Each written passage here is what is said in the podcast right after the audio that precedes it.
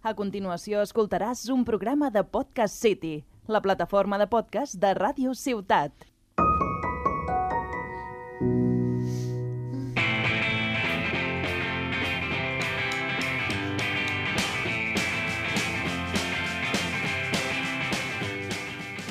Hola, hola, hola, benvinguts al tercer programa de Pas Zero, el podcast de l'NBA en català. Molt bones, què tal, com esteu? Us saludem des de Ràdio Ciutat, avui som un mes. Per fi tenim a l'estudi l'Albert Gomi, t'hem trobat a faltar, com estàs? Bé, mira aquí, debutant. I també ens acompanya el Roger, com va? Eh, estupendament bé. Jo sóc l'Agustí i avui tenim un programa cargadet. Per començar, comentarem els jugadors i equips més destacats d'aquest inici de temporada, després farem una mica de pica-pica amb notícies de l'actualitat, estrenarem una secció que s'ha preparat el Roger, farem una porra dels premis de final de temporada i, per acabar, respondrem les preguntes que ens heu enviat a les xarxes socials. Així doncs, comencem.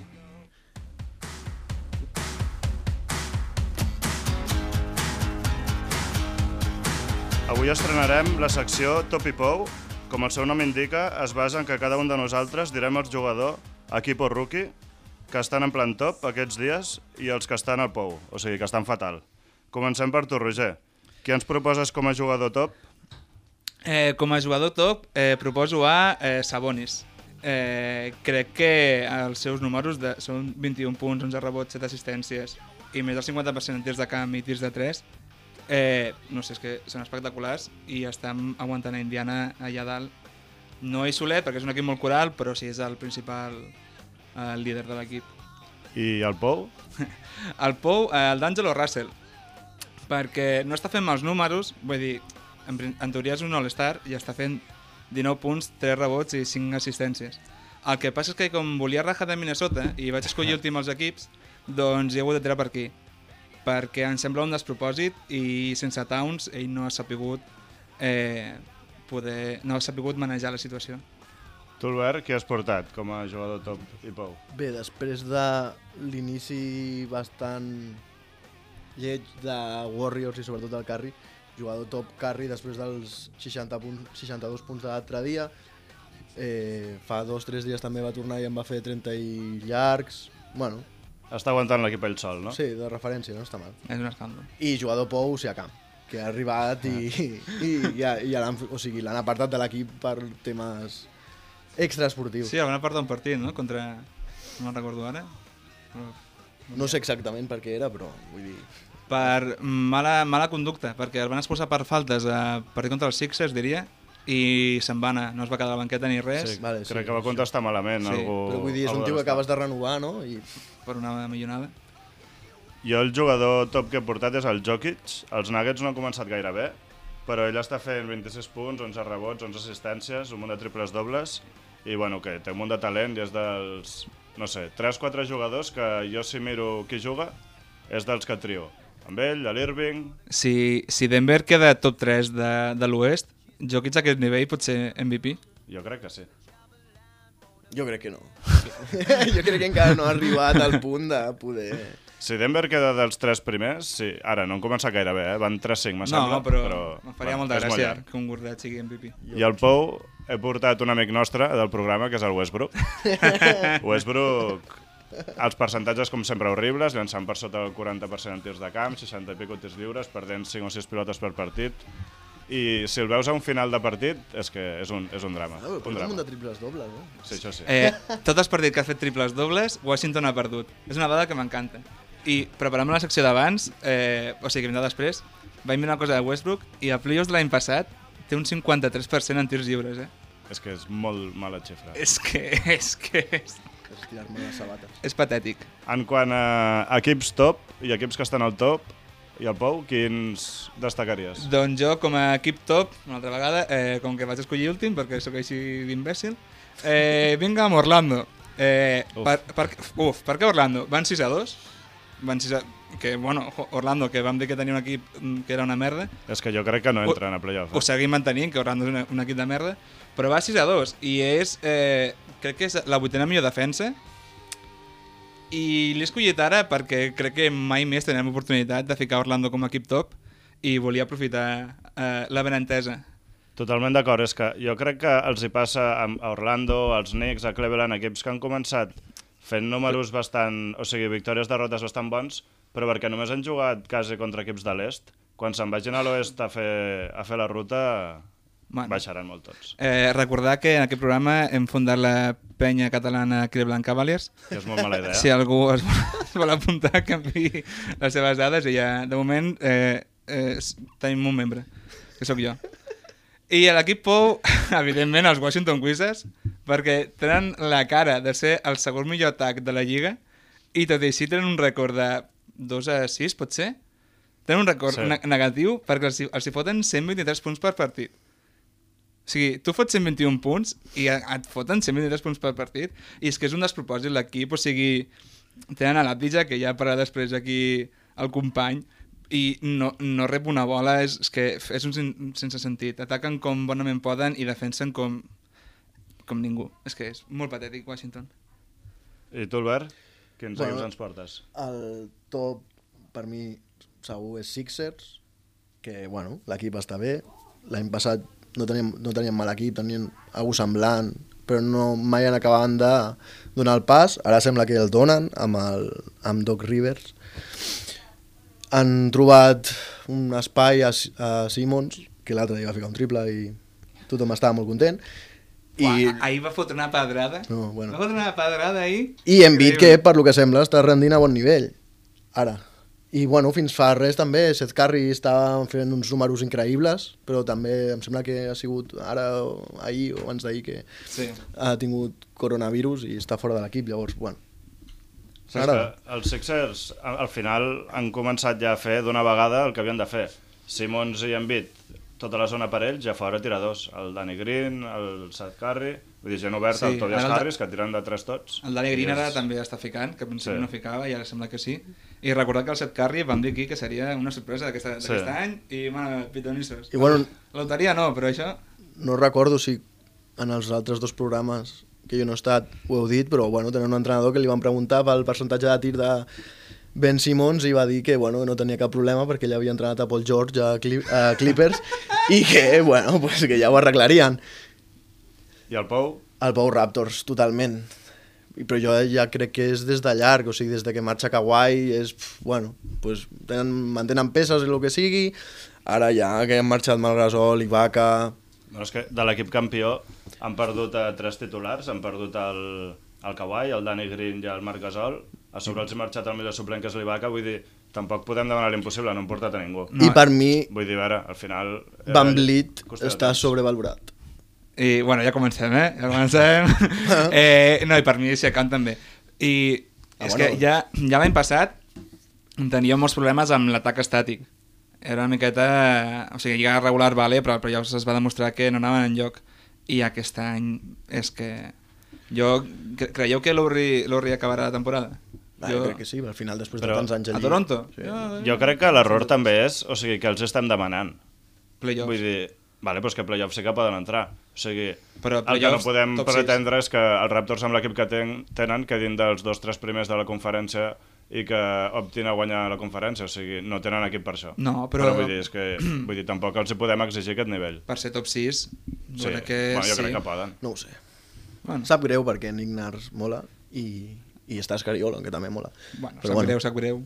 No, a mi sí. Vull dir, Jo com a equip top porto els Sants, han guanyat 6 partits, n'han perdut dos, han guanyat equips que per mi és important, perquè al, al principi sempre passa que uns equips guanyen molts partits, altres els perden, i després la cosa es va ficant al seu lloc, però els Sants han guanyat a Nuggets, a Utah, a Pelicans, a Dallas, vull dir, han guanyat equips potents, i jo m'esperava que comencessin bé, però no tant.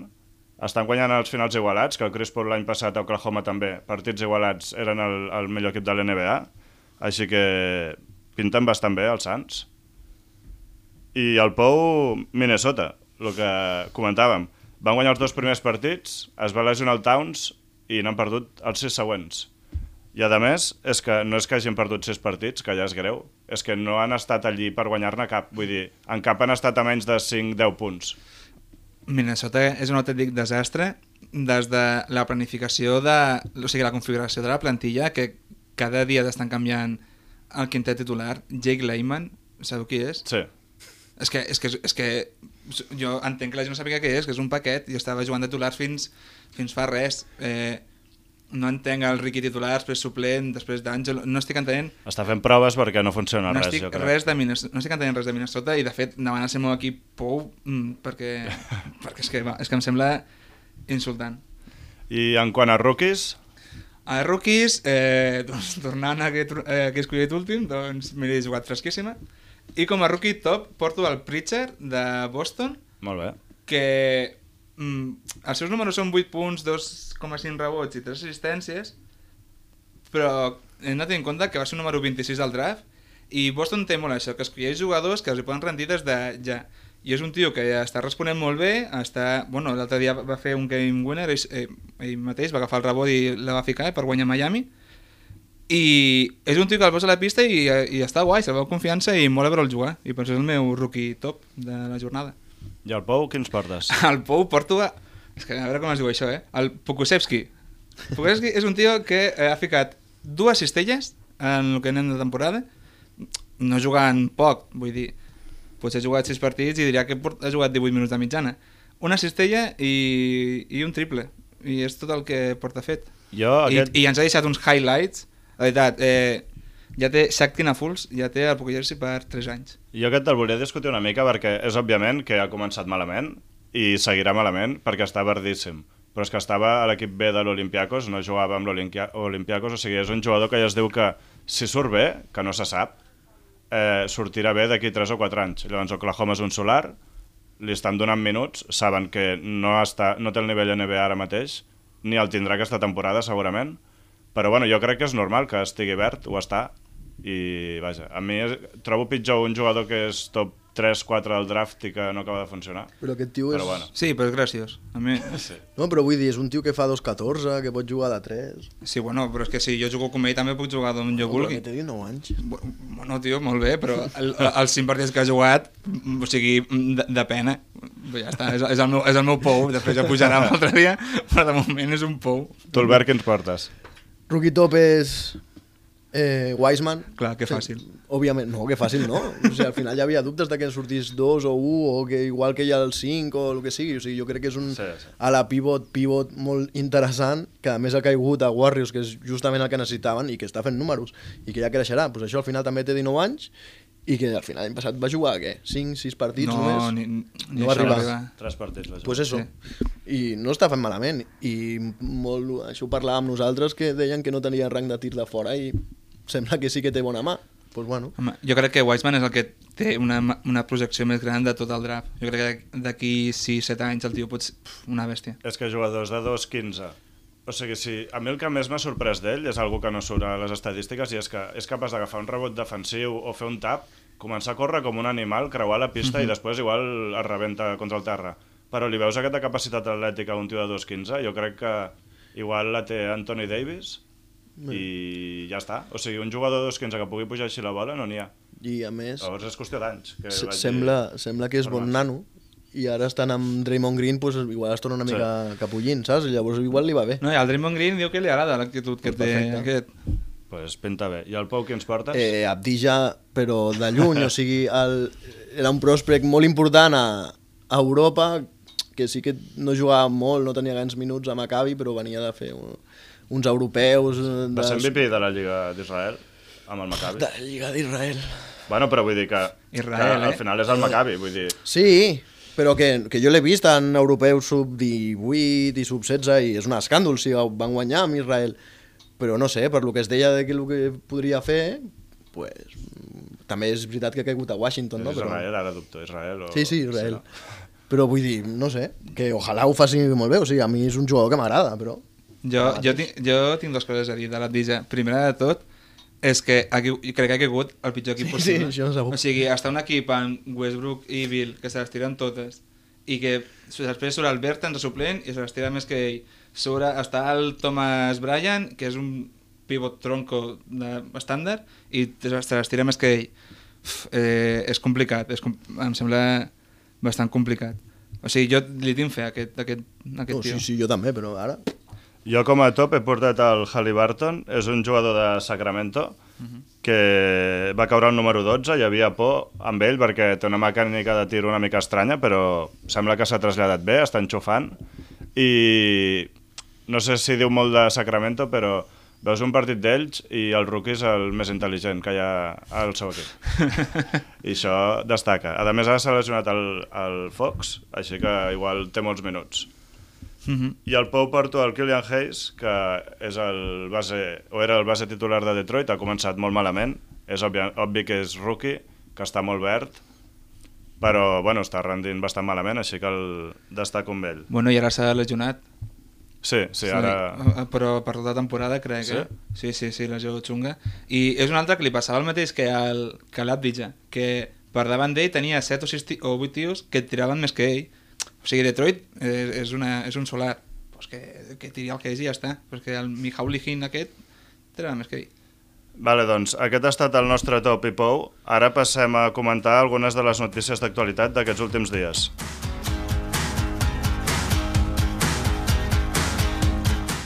Primera notícia, el Porzingis tornarà la setmana que ve eh, a jugar després de la lesió que va tenir el menisc. Veieu els maps amb possibilitats de cada dalt de tot i finals de conferència? Pregunto tu, Albert, que ets un fanboy de Luca.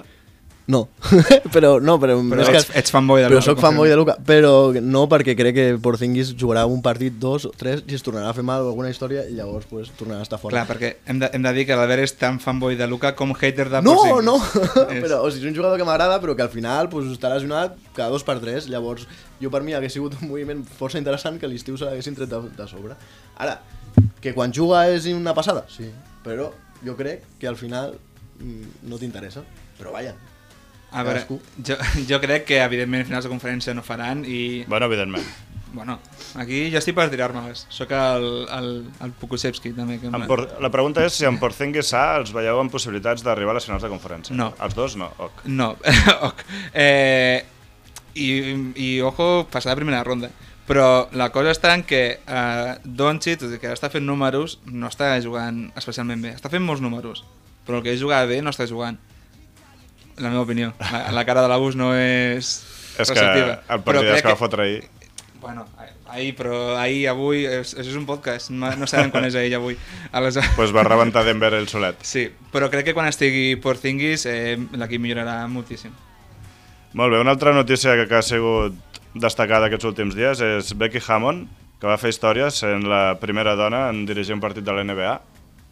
Teniu alguna cosa a comentar? Doncs molt a favor, no? En principi, molt a favor. I, bueno, ja va dir el Popovich que tampoc és qüestió d'anar fent història o no, sinó que al final és cosa, els temps van portant això i és una tia supervàlida i que perquè no pot ser la primera entrenadora de qualsevol equip NBA.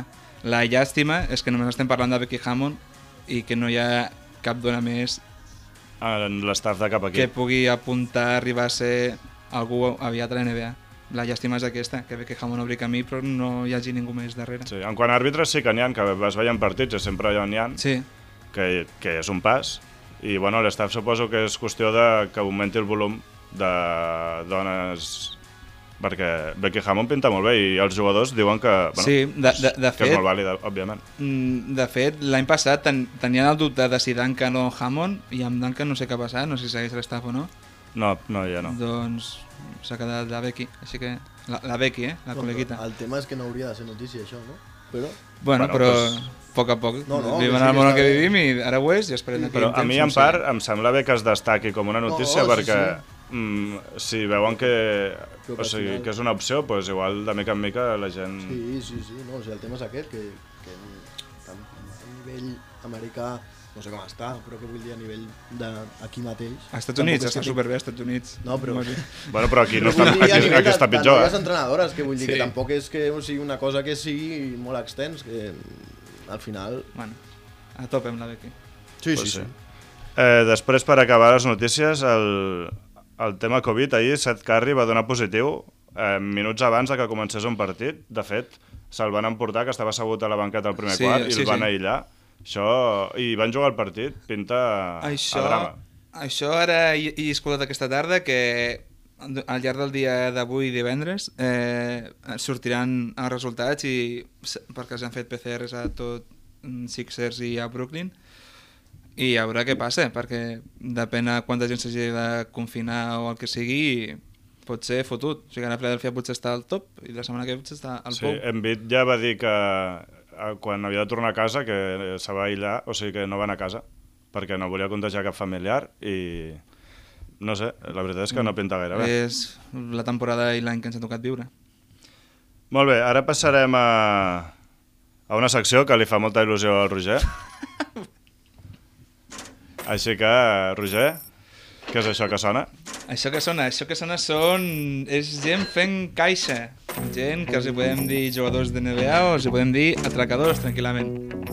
Perquè és un tema que va sortir un dia parlant altres tres sobre els contractes i que si jugadors i tal, i sembla un tema interessant, perquè, bueno, eh, el rendiment dels jugadors doncs, és el que és i cadascú té un sou i és interessant analitzar quins tenen un rendiment acorde al sou i quins creiem que no. Però per això us he portat aquí un minijoc en el que us porto 5 jugadors que per mi tenen un contracte molt desorbitat. Digue-li a l'Albert que no val buscar-los a internet, perquè Eh. està googlejant ja jugadors amb contractes desorbitats. S'està marcant un Ciro López eh, al, col al, al Colgado, sembla que... Eh, però bueno, no és, és que no, no trobaràs tan fàcil, perquè no us porto un Westbrook, un Wall, un Kevin Love, no, no. Això és massa fàcil i aquí no ens agraden les coses fàcils. Bueno, realment sí que ens agraden les coses fàcils, eh, però ara mateix no queda bé per la secció. Eh, el cas, són 5 jugadors que des del meu punt de vista estan hiper sobrepagats pel que fa al seu rendiment i amb una sèrie de pistes que us aniré donant, vosaltres els haureu de dominar. Eh, vale? Eh, petit spoiler. Eh, dels 5 jugadors, els dos primers crec que estarem força d'acord en que són molt atracadors. Els dos següents crec que hi haurà debat. Crec que hi haurà debat. I l'últim, bueno, l'últim és, el, és un, el meu puto ídol. Així que, bueno, obriré el meu Dropbox i començarem. Sí, esteu llestos? Sí, sí. Esperem que el Gómez no faci trampes buscant-lo per Google. No, no, és que li tancaré aquí l'ordinador aquest que porta, eh? Eh? Primer jugador, va firmar un contracte de 4 anys per 106 quilos. Està en últim any de contracte i està cobrant 28 i mig. El, un jugador que cobra 28 i mig I està en últim any de contracte perquè va firmar més de 5... Uf, que 106 quilos per 4 anys, mare meva. Eh, Jo ni idea, clar. L'última temporada, seguim no, amb les pistes, l'última temporada eh, abans d'aquest contracte va fer uns números bastant normalets, que són 13 punts, 6 rebots, 3 assistències i 52% en tirs de camp i, 45, eh, i 43% en, en tirs de 3. Jo crec que sé qui és. Jo crec que... Bueno, no sé. Uau, la, de la jove és fresquíssima. Jo, Sí, jo sí. jo, jo dic Wiggins. Jo dic Otto Porter. I punter per l'Agustí. Yeah. Otto Porter, tio. Otto Porter va firmar... Està cobrant 28 quilos i mig. Eh, en aquesta temporada només ha jugat... O sigui, a l'anterior temporada, perdó, només va jugar 14 partits i va fer uns números de 12 punts, 3 rebots i 2 assistències. I qui li va assignar, això? Eh, Washington. Com? Washington. Washington li va firmar perquè eh, era gent lliure restringit i Brooklyn li va fer l'oferta. Bueno, perquè havia estat draftejat bastant amunt, va tenir alguna lesió, em sembla, llavors va començar a jugar bé, es va fer titular amb... Però, però bueno, I, bueno, jugar doncs- bé és ficar 13 punts i li van donar 28 quilos Sí, sí, l'any, eh? Per sí, ficar sí. 13 punts. I la cosa està això, que Brooklyn li va fer l'oferta i Washington la va decidir igualar. O sigui, ara imagineu-vos Brooklyn en comptes de Durant amb l'Otto Porter, eh? com, era, com era la història? Doncs Otto Porter estem d'acord que és un gran atracador de la NBA, no? Anem amb el segon. El segon és, és un tio que, bueno, va, va firmar 4 anys per 62 quilos. Ah, bueno, això està bé. 15 quilos, no? Està en últim any de contracte i està cobrant 17 quilos aquest any. No, no, No, la- clar, o sigui, amb aquestes no us la, xifres... no igual us la voleu ja... jugar. Bueno, jo pensava que estava aquí amb una, Sí, amb va. una colla de valents. Sí, va. Sí. Eh, només ha estat una temporada titular a la NBA. Però això quan ho va firmar fa 4 anys, dius. Ara, eh, ara, ara bé. Eh, Sí, clar, fa 4 anys. I només ha estat una temporada titular a la NBA i va ser la d'abans de firmar aquest contracte, en la qual va fer 10 punts i 8 rebots. 10 punts, 8 rebots i va firmar 62 quilos l'any. Eh, sí, 62 quilos per 4 anys. En sigui, un conferència joc- est, oest... Un jugador que és suplent, no? Has dit? Eh, només ha estat una temporada titular Sí, a, sí. la, a la NBA, que va ser fa 5 anys, I va fer bé. 10 punts, 8 rebots, i li van donar eh, 60 quilos. Jo ni idea. Una altra pista, no? Eh, L'última temporada, o sigui, la, la temporada passada, va fer 7 punts, si- eh, 6 rebots eh, i una assistència per partit, amb 45% de tirs de camp i 36 eh, de 3. 36 de, te- de 3. I mm, pista eh, és pivot. Va, puc preguntar si està l'equip que li va signar el contracte? No està l'equip en el qual va signar crec contracte. que sé qui és. I l'equip que li va signar el contracte eh, és un equip que potser tu hateges una miqueta. Però no ho sé. A l'hora de firmar contractes. Ah, vale, llavors és Dieng. Correcte, és Gorgui Dieng. Gorgui Dieng, la, la pantera africana eh, que està fent uns números eh, lamentables i, i és el jugador més ben pagat dels Grizzlies, Sí. Dieng. Marescut. Mer- Merescut, no? De moment eh, estem d'acord en que són dos atacadors professionals. Sí. Comencem amb la polèmica. Comencem. Eh, el segon jugador, que jo crec que uf, és, bueno, és, és molt heavy, eh, va firmar 84 quilos per 4 anys. I el seu contracte va començar la temporada 18-19. Li queden aquest any de contracte a raó de 19 quilos i un any més a raó de 20 quilos i mig. Ni flowers, no? Següent pista. Eh, L'última temporada, abans de firmar aquest gran contracte, eh, va ser la 17-18, eh, i va ser, eh, encara estava en contracte rookie, i va fer, eh, va signar 17 punts, 3 rebots, 3 assistències, 49% en tirs de camp i 40% en tirs de 3. Home, això està bé. Això està molt bé. Spoiler, a partir de firmar el contracte, els seus números han baixat estrepitosament. I era rookie al 17-18. A la 17-18 va ser l'últim any, eh, l'últim any de contracte rookie, sí. Ah, vale. Baixar estrepitosament, perquè us feu la idea, va ser que a la 18-19 va fer 13 punts, a la 19-20 va fer 10 punts, i aquest any està fent una mitja de 8 punts, 2 rebots, una assistència, 36% en tirs de camp i 12% en tirs de 3. I recordem que està cobrant 19 quilos per fer 8 punts. Ah, Dos el rebots. que li obre. No. Eh, pista, és conferència oest i juga als Denver Nuggets. Ah, el Gary Harris. Correcte, Gary Harris. Per mi, jo no sé si aquí hi ha debat o no, però per mi és un contracte horrorós. A més que no m'agrada gens, el Gary Harris. Així que... Horrorós. O sigui, és un tio que en principi mm, sabia tirar, tenia mitjanament capacitat de ser un jugón, que aquí li van dir que seria un trapella, no? I és que ni una cosa ni l'altra. O sigui, no defensa, no tira... Bueno, sí tira, tira massa. Tira massa, bueno, no ja fa no ni tant, una. però sí. I també quan li van firmar el contracte, eh, només en una temporada, de les set que porta, ha passat de 70 partits. O sigui, és un tio que tendeix a lesionar-se i, Sí, li van- molt. i li van fer un contracte per mi mm, eh, excessiu. Així que creieu que és una mica atracador? Sí, o... sí, aquest totalment també. Sí, sí. Sí, sí, sí, no, Albert.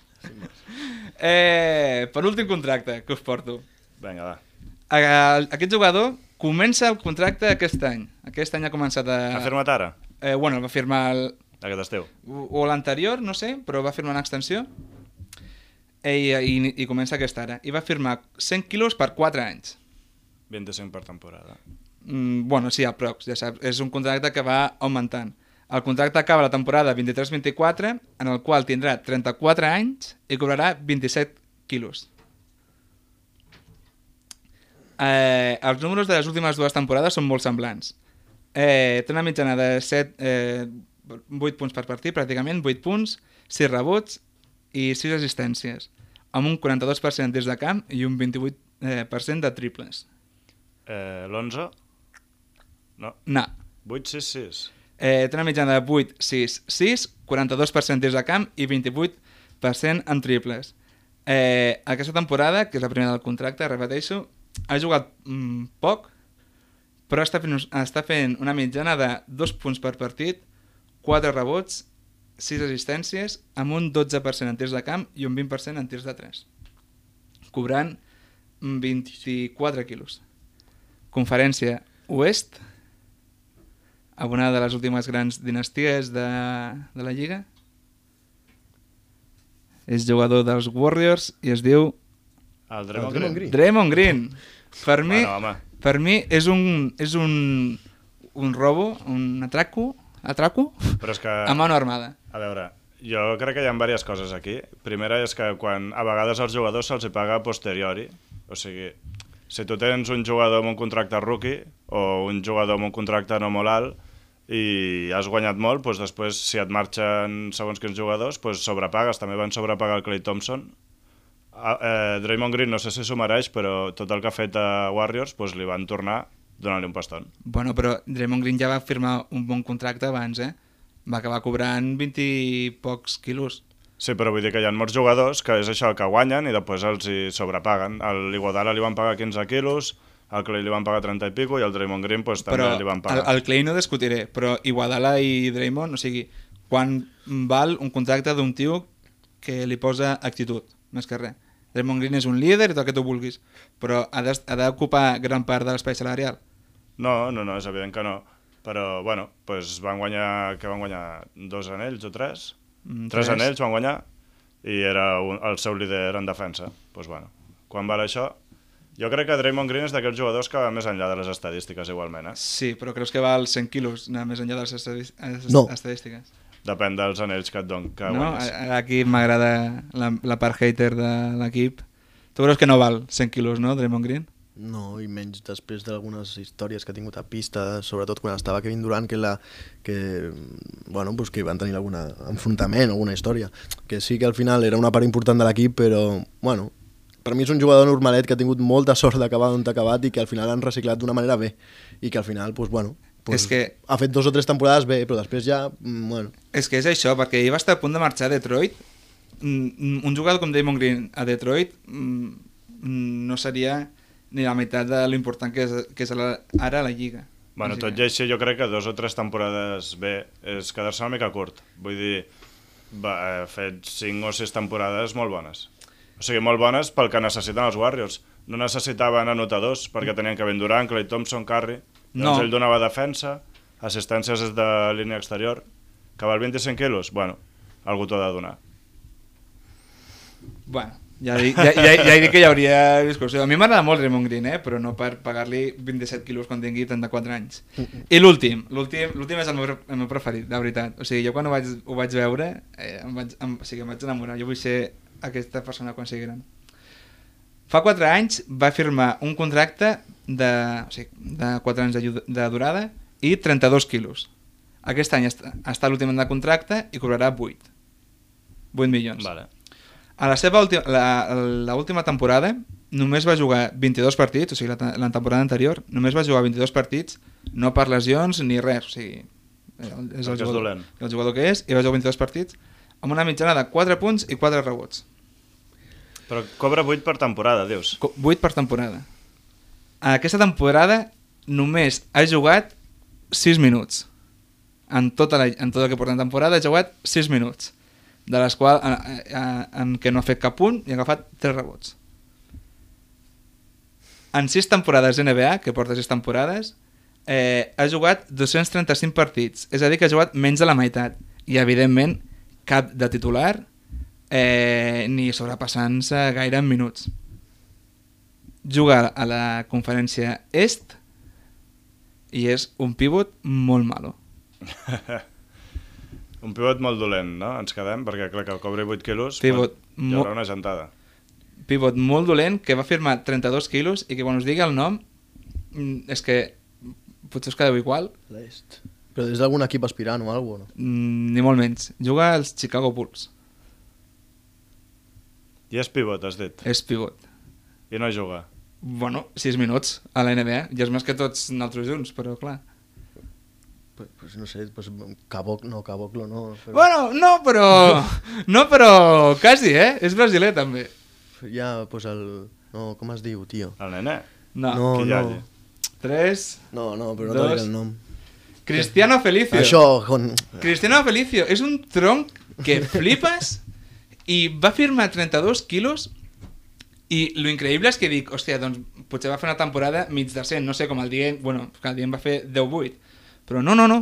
O sigui, va fer una temporada que va jugar 50 partits, fent això, doncs 4 rebots i tal, i li van donar 32 milions.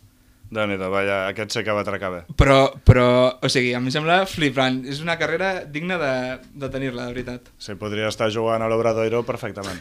I ojo, i ojo amb els minuts, eh? I ara passarem a fer una cosa que ens agrada molt, després d'aquesta gran secció, Increïble. que és mullar-nos i quedar en evidència.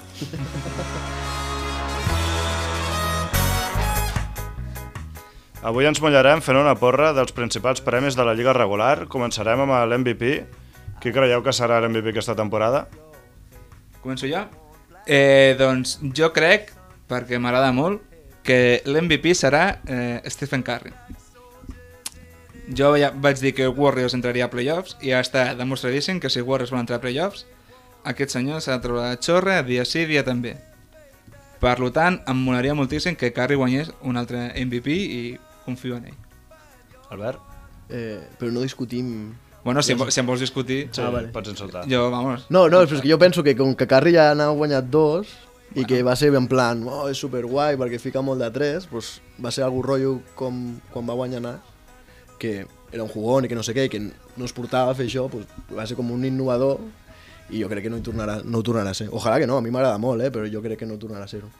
El que jo crec que serà MVP serà Doncic, segur. Evidentment. ha saltat la sorpresa! Però que vull dir que és al final un jugador que eh, promitja quasi triples dobles, rotllo Westbrook, Westbrook també ho va guanyar i al final Doncic sap jugar, que Westbrook l'únic que sap fer és tirar-se mandarines. Jo crec que serà l'Ebron, perquè Lakers espero que quedin... No és perquè jo sigui de Lakers, però crec que quedaran dalt de tot, de conferència, i per l'MVP crec que després de donar-li el Westbrook fa uns anys, han vist que donar MVPs per estadístiques no serveix de gaire, i jo crec que dels dos tres millors rècords de la temporada, o quatre, d'allí sortirà l'MVP. I és que és el que anava a dir sobre els triples dobles, crec que ja es van donar compte de que, de que Sí, o sigui, bueno, la però- moda va passar perquè el Westbrook la temporada següent de l'MVP va fer millors números i es van donar compte que això no porta enlloc. Sí, però que vull dir Que, però que... do, els triples dobles que fa Doncic són molt més útils, eh? Vale, O això bé, és que són més útils, fas jugar a l'equip, Doncic tio. queda dels tres primers de la conferència, jo crec que té moltíssims números. I Ara, ha de quedar bé a la conferència. I l'altre és que a nivell de màrqueting quedaria bastant bé que l'MVP fos Doncic. Perquè és europeu, perquè ha jugat al Madrid, perquè sí, té bon cartell... els encanta. Sí. I aquestes històries, pues... Home, jugar al Madrid és fundamental per l'NBA. sí, és Bueno, mira com li ha servit a Campazzo per jugar amb els Denver Nuggets. Campatxo, eh? Llàstima que hagi fet dos bons partits, tio, perquè anava a rajadell com si n'hi hagués demà, eh? Has vist? M'ha fotut, m'ha és, bo- és fotut. bon jugador. Eh, en quant a jugador defensiu de la temporada, a qui porteu? Jo porto a Joel Embiid. Ah, mira. Perquè... Sí, no? Quina sorpresa. Perquè, o sigui, m'estava plantejant fins i tot per, per MVP, eh? A Embiid. Sí, perquè MVP em sembla el millor pivot de la NBA amb diferència i com que crec que MVP no arribarà i és, un, és bon defensor, Philadelphia està bé defensivament i tal, crec que pot ser un bon, un bon candidat. El lògic seria dir potser Anthony Davis, però Jo tinc una pregunta. Anthony Davis i Jokic són pivots? un sí i l'altre no. Pues per mi el que sigui pivot dels dos per tu eh, és millor que Embiid. Eh, Per mi són els dos bastant millors que Embiid.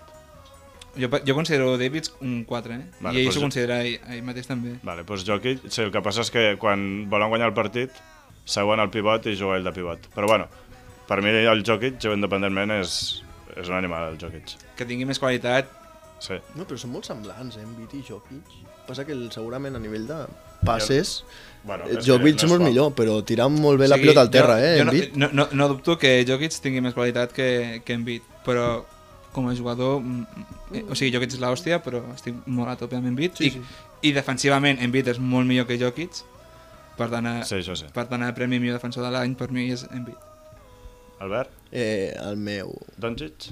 No, Guanyarà el premi de rookie, Doncic? jo sempre... No, sí, també. Eh, sempre m'agrada ficar algun out- outsider i jo crec que s'ha de reconèixer alguna vegada el, el treball que fa Jimmy Butler. Llavors, per què no pot ser el millor defensor? Que al final és eh, millor defensor, doncs el que fa més eh, taps o el que tapa més espai o el que canvia més tirs, no sé què. Bueno, mm, Butler, que si recuperacions, que si seca uh, o és capaç de sacar l'Ebron o coses d'aquestes, pues per què no? Jo- Nah, jo no crec que passi. Ja, Però, jo veig complicat. a mi m'agradaria. Per la temporada que van tenir l'any passat, que van estar... Se'ls va allargar tant el playoff que van arribar a les finals mm. i sembla que aquest principi de temporada se l'han pres en calma i llavors no crec jo que forci, forci la màquina com per aspirar a aquest premi que normalment és gent que va full tots els partits. Jo he portat un altre de Filadèlfia, com el Eh. Roger. He portat el base, a Ben Simons, perquè bueno, jo crec que és dels millors defensors exteriors, roba mm. moltes pilotes, ha dit diverses vegades que vol el premi, que no t'assegura res, però... No, perquè jo vull moltes coses també. I Sí. no... Però bueno, allí, allí està aquests últims anys mm, lluitant-ho i jo crec que té opcions. En quant a rookies, qui porteu? Mm, jo porto a la Melo. No, Lamentable. perquè, perquè sí, eh? O sigui, no... Si em preguntes un què molt objectiu, no te el puc dir, però crec que... Bueno, ha al començat final- bast... prou bé. Sí, home, per lo que jo m'esperava, eh, i crec que ell tindrà més llibertat que altre, els altres dos candidats, que poden ser Edwards i Wiseman, que, que crec que ell tindrà més llibertat per fer el que vulgui, que en res serà titular i tindrà bastants minuts per anar fent el que això, doncs, fer i desfer, i crec que, que la Melo serà rookie de l'any. Albert? Eh, Wiseman segur. Jo no estic tan segur, però porto Wiseman també. A mi, bueno, ja ho hem comentat abans, Bueno, al final està M'agrada Anthony Edwards, que també té pilota, ara el que ha dit el Roger del Lamelo, però no sé. Minnesota no pots eliminar res, tio. Quina banda. Com Però en... és, que, però és que entre Minnesota i Hornets no pot estar el rookie de l'any allà. No, però això, com que Hornet sap, sap que és una banda, pues li donarà la pilota a la Melo i ja està. Pff, Minnesota quan torni Towns, vés a saber. com a entrenador, qui porteu? Doncs jo porto a Doc Rivers. Mm, No sé què m'ha donat en Filadèlfia, però crec que Filadèlfia estarà allà dalt i es nota molt el canvi de, al final de, de joc, que és canviar dos jugadors per portar-ne dos altres jugadors, com són el Curry i el Green, que és el que l'equip necessitava, però la, la milloria...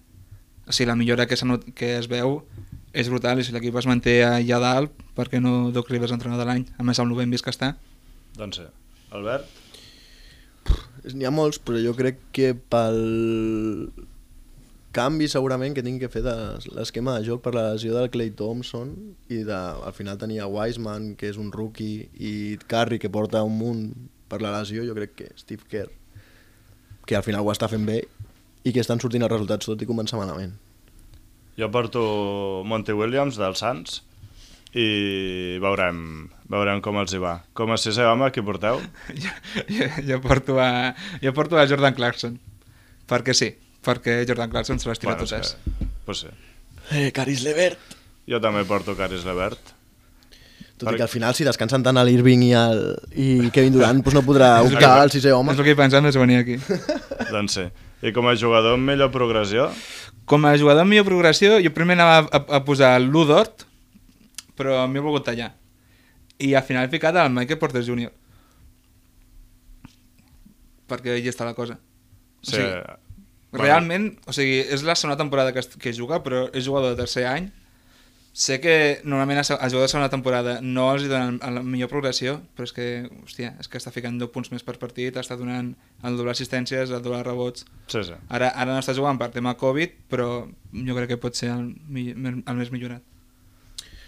Segurament el que portis tu, perquè ja ho vam parlar, em sembla que és el mateix que jo, que és Christian Wood, Totalment. però amb els partits que està fent el Seth Curry, pues, mm, igual, igual m'ho pensaria. Oh, m'encantaria. Jo crec que serà Christian Wood. Ja és un dels jugadors que vam dir, com el Michael Porter Jr. també, que ho podia empatar aquest any, i és que jo estic convençut que si no es lesiona, 20 punts, 10 rebots per partit els farà. I jo crec que li serviran de sobres per emportar-se el premi, perquè és un tio que era, o sigui, és que no era ningú. L'any passat va començar a jugar els últims 15 partits amb Detroit i ara és que, és que perquè em sembla que no fan All-Star, però és que si es despisten està, ha començat increïble. Sí, com a narrativa, la, la del Wood sí que és molt millor per ser... I abans d'acabar, passarem a les preguntes que ens han enviat els espectadors.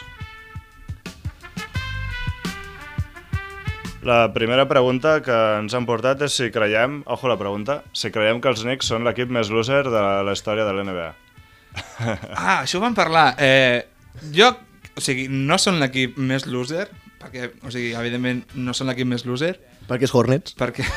No, però loser jo, en la seva història, eh? No, No, no, o sigui, ara, eh? no, no crec que sigui l'equip més loser de la història. El que sí que crec que és és l'equip com que té més, que té més reconeixement sense, ma, ma, sense ser merescut. Sí, no, perquè està a Nova York. És l'únic mèrit que tenen, que podrien estar a Louisville i ser una basura, però estan a Nova York, i és l'únic mèrit que tenen. Perquè una altra cosa, no sé, tu preguntes a qualsevol persona que no segueixi NBA i Lakers, Boston, Knicks, te'ls diuen. Sí, sí, sí. Doncs crec que és això. El més loser no, però el que té més mèrit sense... Bueno, perquè s'ha fet bastant malament a nivell de despatxos i tampoc han tingut gaire sort en els pics que han escollit. Home, perquè és que és... Bueno, Si tries jugadors dolents és fàcil Clar. tenir mala sort. Sí, sí, agafa... Ja, però van agafar Porzingis, eh? Sí, i l'han venut. Ah, I Anteliquina. No, ah, ah, l'han venut. Sí, clar. i- Exacte, a canvi de Denis... De Denis, eh, increïble. Dennis Dennis Smith, Smith ja. Jr. I Antel... És que Anteliquina. Bueno. Sí, jo No crec... Jo, un equip que crec que els hi podria competir en quant a losers són els Clippers, que és un equip que fa molts anys que tenen bons jugadors Mm. i és que no han arribat a finals de conferència encara, eh? Cert. Van, van tenir a, a, a Chris Paul, Blake, DeAndre, Redick, ara tenen la generació que té amb el Kawhi, Paul George i això, i és que no hi ha manera, és que no, No, passen no. de... O sigui, no han arribat ni a finals de conferència. És que en aquella època fins i tot els Grizzlies van arribar, van arribar a final de conferència, eh? I els Clippers no, és que no dan ni una, és veritat. Molt losers. I l'última pregunta, i amb això ens anirem despedint, ens han comentat que parlem de Mike Conley. El Roger es posa de peu, Bueno, es de es peu i els pantalons... Eh, No sé què ha fet aquesta pregunta, però l'estimo molt, perquè jo, jo en un foro friki comentava, el meu nom, nickname era Conley MVP. O sigui, eh, Conley... Eh, No era Ricky Rubio. Mm, No, era Conley. Ah. Un, un dia em vaig ficar en Westbrook i vaig sortir escaldat, però bueno, això ja ho explicaré un altre dia. Eh, Conley és un molt bon base que alguna temporada... És que em vinc molt amunt. Molt amunt. Alguna temporada m'ha escut ser All-Star, l'únic que, clar, eh, és el que hi ha, el ba- la, la posició és la, que, és la que és, però crec que aquest any ja s'ha adaptat al sistema eh, i està funcionant molt bé. O sigui, estic veient els, alguns dels seus partits, els seus números i tal, i confio molt en que Conley aquest any pugui ser diferencial. Els playoffs ja ho va ser i confio molt en Conley aquest any jo. Molt, molt a favor sempre del Mike Conley. saps que és un jugador que té moltíssima experiència i a Utah és el que necessita. Què anaves a dir, Albert? Que per mi, Michael, sin más, la veritat. Bueno, Però, a veure, tenen... L'equip ja el tenen, vull dir, al final Sí, bueno. necessiten un base que els ajudi. jo crec que la millor opció per de Utah és que mm, ara que... No, no, sí, a mi jo, jo també és igual. Eh? No, no, però que ara que no té, ara que no té, que no té aquí, pues, si volen fitxar a Ertel, pues mira, podríem portar a Ertel. No seria el primer jugador que va del Barça B a la NBA, eh? bueno, i fins aquí el tercer programa de Pas Zero. Una salutació a qui hagi aconseguit arribar fins aquí, com sempre. Agrair a Podcast City per acollir-nos i, com sempre, a l'Arnau i a l'Òscar per ajudar-nos. I recordeu que ens... Sí. Recordeu de seguir-nos a les nostres xarxes. Hi ha més Twitter que Instagram. Instagram potser desistim una miqueta, però el Twitter està molt actiu. Sí, home, sí. Així que moltes gràcies a tot, totes i tots per seguir-nos. Un plaer. Adeu. Adéu. down a dream before it disappeared. I was aching to be somewhere near your voice was all I heard. I was shaking. Has escoltat un programa de Podcast City, la plataforma de podcast de Ràdio Ciutat.